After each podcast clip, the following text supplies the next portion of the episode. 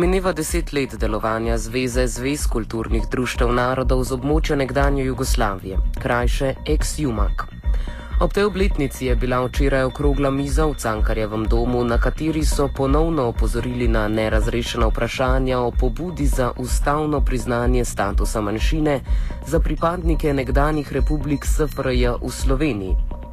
Sicer je leta 2011 državni zbor na pobudo takratne vlade, ki so jo sestavljali socialni demokrati za res liberalna demokracija Slovenije in Desus, sprejel deklaracijo o položaju narodnih skupnosti pripadnikov narodov nekdanje SFRJ v Sloveniji.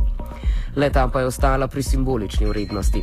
Saj v praksi Hrvati, Srbi, Makedonci, Albanci, Črnogorci in Bošnjaki nimajo priznanega statusa manjšine. Kot dobro prakso manjšinske politike se navaja recimo Hrvaško, ki priznava 22 manjšin, med drugim tudi slovensko.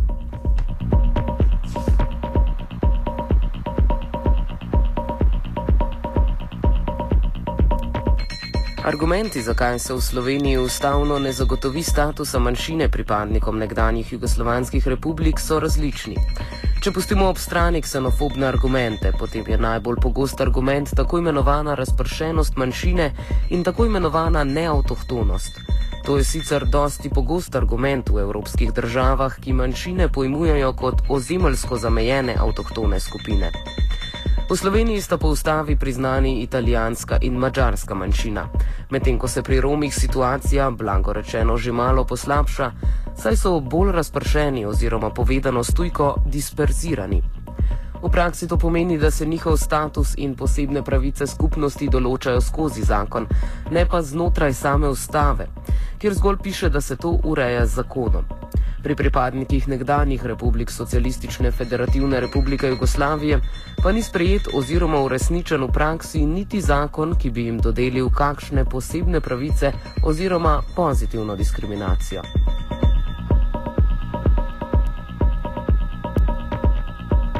Seveda je takšen način, ki temelji na ozemeljski povezanosti in avtohtonosti manjšin, dan danes arhajičen, vendar še vedno prevladujoč.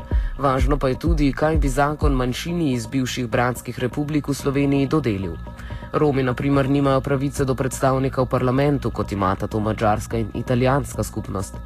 Na začetku smo spregovorili s predsednikom zveze ex-Jumak Ilijo Dimitrijevskim, ki je povedal, kako so v Sloveniji na začetku sploh dojemali koordinacijo zvez kulturnih društev narodnih skupnosti iz nekdanje SFRJ. V začetku ob uh ustanovitvi ne, eh, tako imenovane koordinacije zvez kulturnih društev nekdanjih eh, narodnih skupnosti pripadnikov iz SFR-ja v Sloveniji. Eh, noben v začetku nas ni niti res najemal. Tako da mi šele z nastopom, ne takrat na Ekriju, ki je bilo leta 2003 v Ljubljani, smo predstavili svoje pričakovanja in predvsem v smislu, da je potrebno tem eh, narodnim skupnostim, ki so nastali z razpadom skupne države, priznati status manjšine.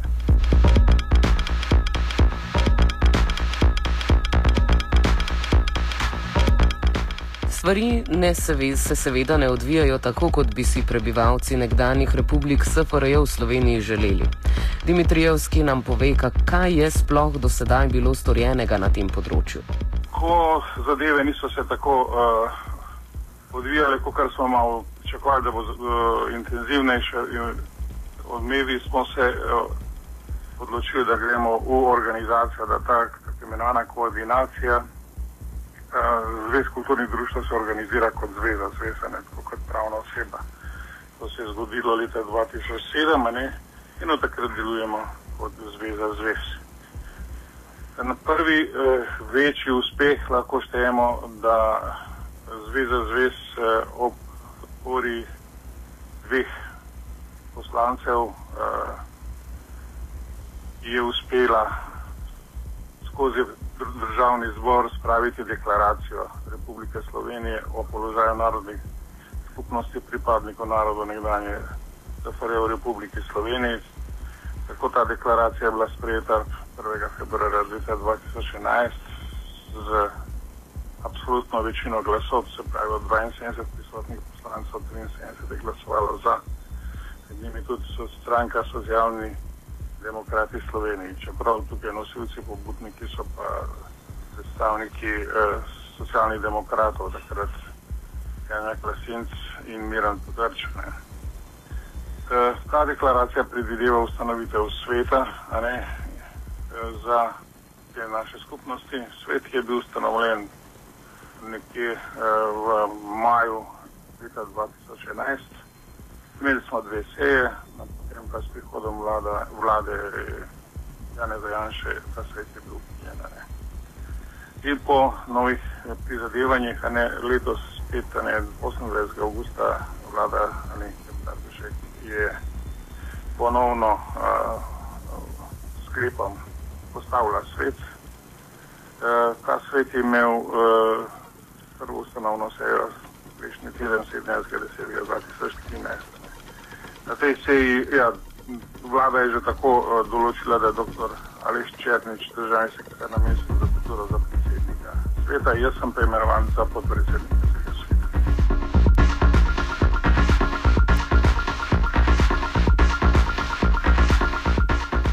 Vera Kržišnik Bukič, znanstvena svetnica na Inštitutu za narodnostna vprašanja in strokovna organizatorica včerajšnje okrogle mize, nam je naštela razloge, zakaj bi morala Slovenija pripadnikom iz republik nekdanje SFRJ priznati status manjšine in zakaj temu ni tako.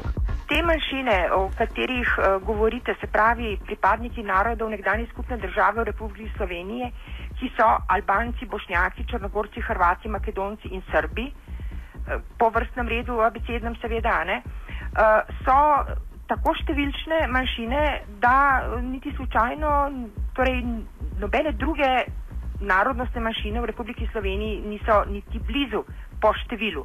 Drugič, te narodnostne manjšine, o katerih se tu sedaj mi dva pogovarjava, so tudi tradicionalne.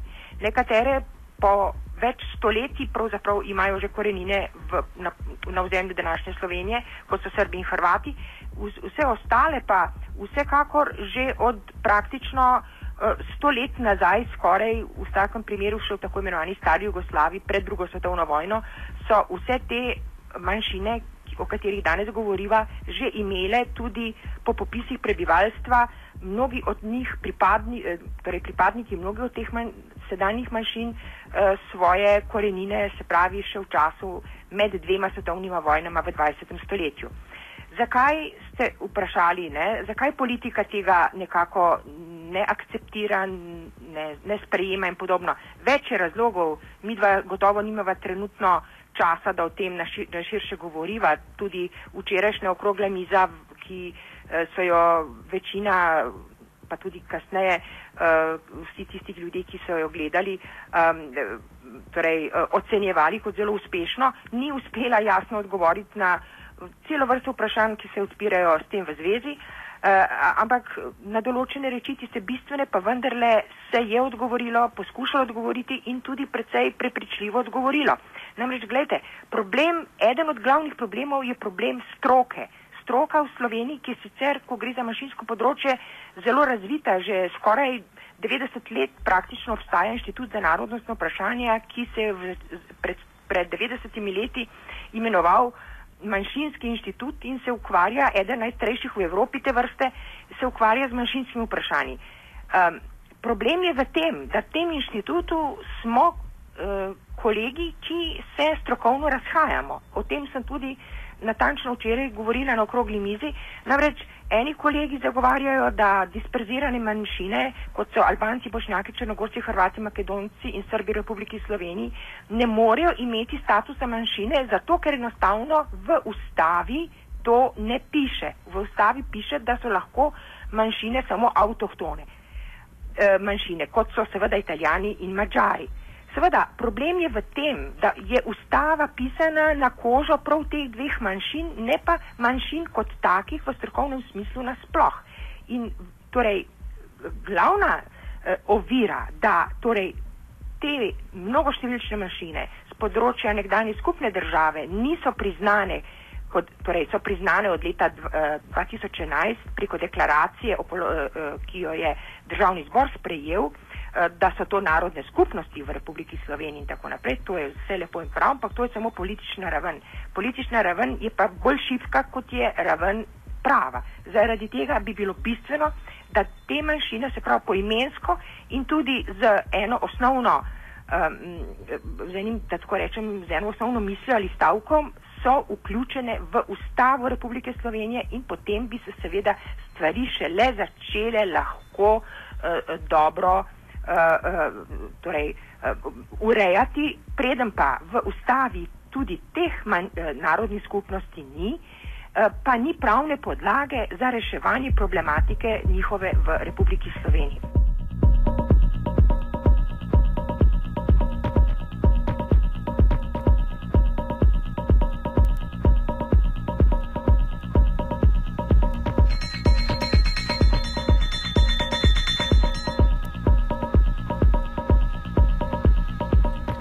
Armin Baltič, ki na radiju študent vodi bošnjaško oddajo pod Alpski selam, nam pove, zakaj meni, da v Sloveniji večinsko prebivalstvo ni najbolj naklonjeno ideji, da bi prebivalci iz nekdanjih republik SFRJ dobili status manjšine. Osnovni razlog je po moje ta recimo, ideološki oziroma to neka fobija, da naj bi to potem na nek način lahko ogrozilo slovenski narod oziroma pravice slovenskega naroda. Um, drugi razlog, predvsej bolj uh, konkreten, je pa povezan verjetno z strahom vlade, da se bo s tem pač povečal, uh, poveč, da se bodo povečali potrebni izdatki iz proračuna za vse te skupnosti, ker vemo, da uh, so stroški za pač mačarsko in italijansko skupnost, ki so priznane kot manjšine, precejšnji in zdaj, če bi se še to. Eh, pač obstaja ta strah, da bodo se stroški tudi uh, za te skupnosti, da bo znašali enake cifre, proporcionalno glede na število pripadnikov teh skupnosti. Tako da mislim, da en je ta uh, ekonomski oziroma finančni, drugi je pa ta strah, uh, nek, iz, iz, ki izhaja iz nekih fobij. No, ker um, se mi zdi, ne, da večinoma drug argument je pa ta, da razpršen, razpršenost ljudi, da če so ljudje razpršeni, potem ne morejo imeti statusa manjšine. Pa to ni sam slovenski argument, mislim, da velja za večino Evropske unije.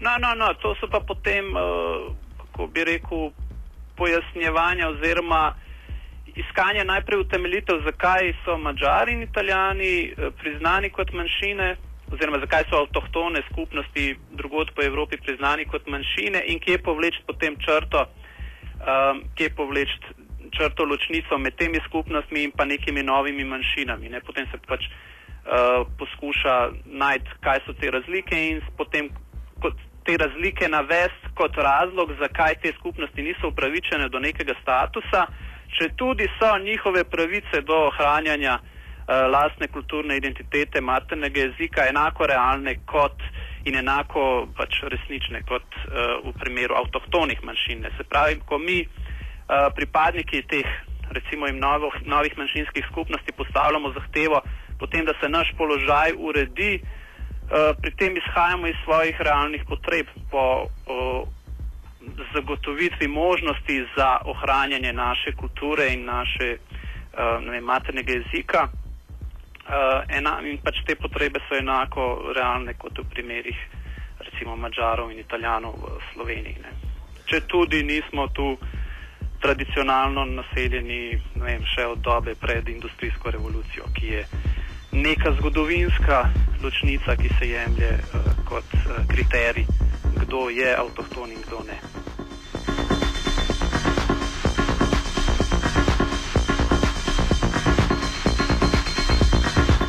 Ilija Dimitrijevski pravi, da je sedanje pojmovanje manjšin v Sloveniji arhajično in da tudi večina strokovne javnosti deli mnenje, da je skrajni čas, da pripadniki nekdanjih republik SFRJ v Sloveniji dobijo status manjšine. Ja, ne samo naše mnenje, ampak tudi uh, mnenje recimo uh, precejšnje strokovne javnosti, ki je bila deležna na včerajšnjem uh, včerajšnje okrogle mizi je bila, da je skrajni čas v bistvu, da tudi tem uh, razpršenim, ampak te razpršene manjšine niso, bi rekel, uh, tako ruralno razpršene, običajno večje koncentrirane so v večjih mestih. Uh, in uh, je zadostnega, so zadost, številčno zadostno velike, da so samo organizirane in da želijo v bistvu uh, delovati manjšine. Tako da tukaj uh, ta stara oznaka ne, na avtohtone in neavtohtone je malo arhajična. Ne. Več ali manj uh, bolj se uporablja v smislu zavračanja, recimo pri, uh, pravice ne, o priznanju drugačnih oblik manjšin. Te manjšine, ki jih Slovenija ima, nas je tukaj več kot 10%, ne več kot 200 tisoč. In uh, smo z znatnega števila koncentrirane po večjih mestih, smo organizirani in dejansko želimo na primeren način, da se reši ta naš status.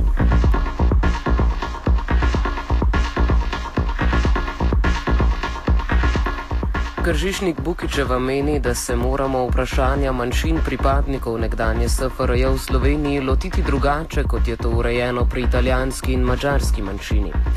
Kot veliko oviro pa vidi strokovno razdeljenost znotraj stroke.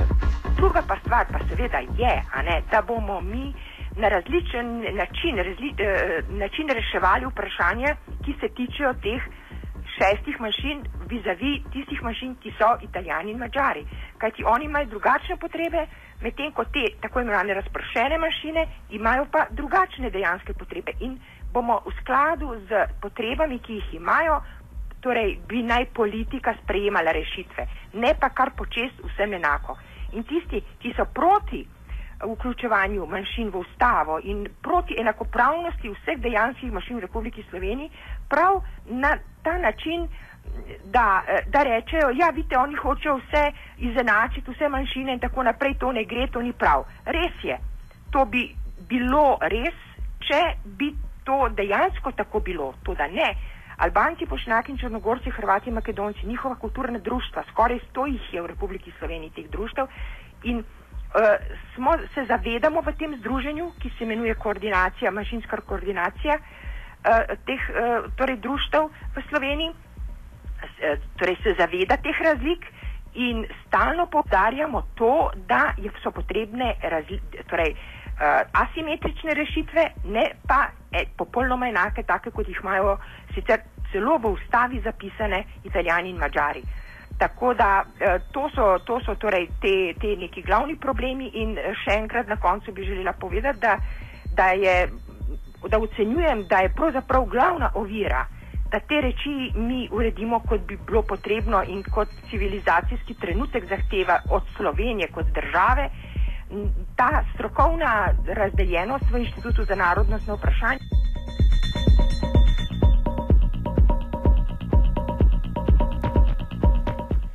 Zagotovo je poleg arhajičnosti pojmovanja manjšin v Sloveniji, nerazpršenost in tako dalje, sentiment dela slovenske javnosti, ki prebivalce nekdanjih republik SFRJ v Sloveniji vidi kot tujek. Velika ovira pri ustavnem priznavanju statusa manjšine. Seveda pa to ne velja le za omenjene skupine, ampak tudi širše, saj imamo tudi manjšine, ki ne temeljijo na narodnosti in svojem jeziku. To pa je že tematika, če pustimo ob strani teorije, ki ne zagovarjajo pozitivne diskriminacije in hkrati ne temeljijo na predsotkih za eksperimente 22. stoletja.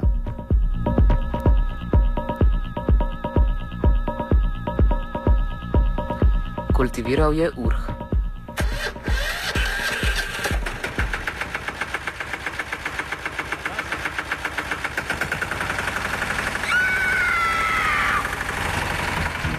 Je, kaj pa je to?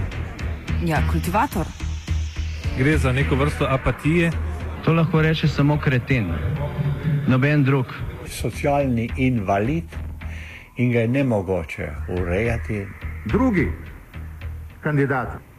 Pa, pa pije, kadi, masturbira, vse kako se lahko počne. Nihče tega ne ve. Vsak petek skultiviramo dogodek tedna. Lahko po kriterijih radio študent, težko pa po evropskih kriterijih. Ampak na drug način, kot vi to mislite. Kultivator vedno užge. Da pač nekdo sploh omenja probleme, ki so, in da pravzaprav sploh nekdo sproži dogajanje uh, v družbi. To drži, drži. Slušate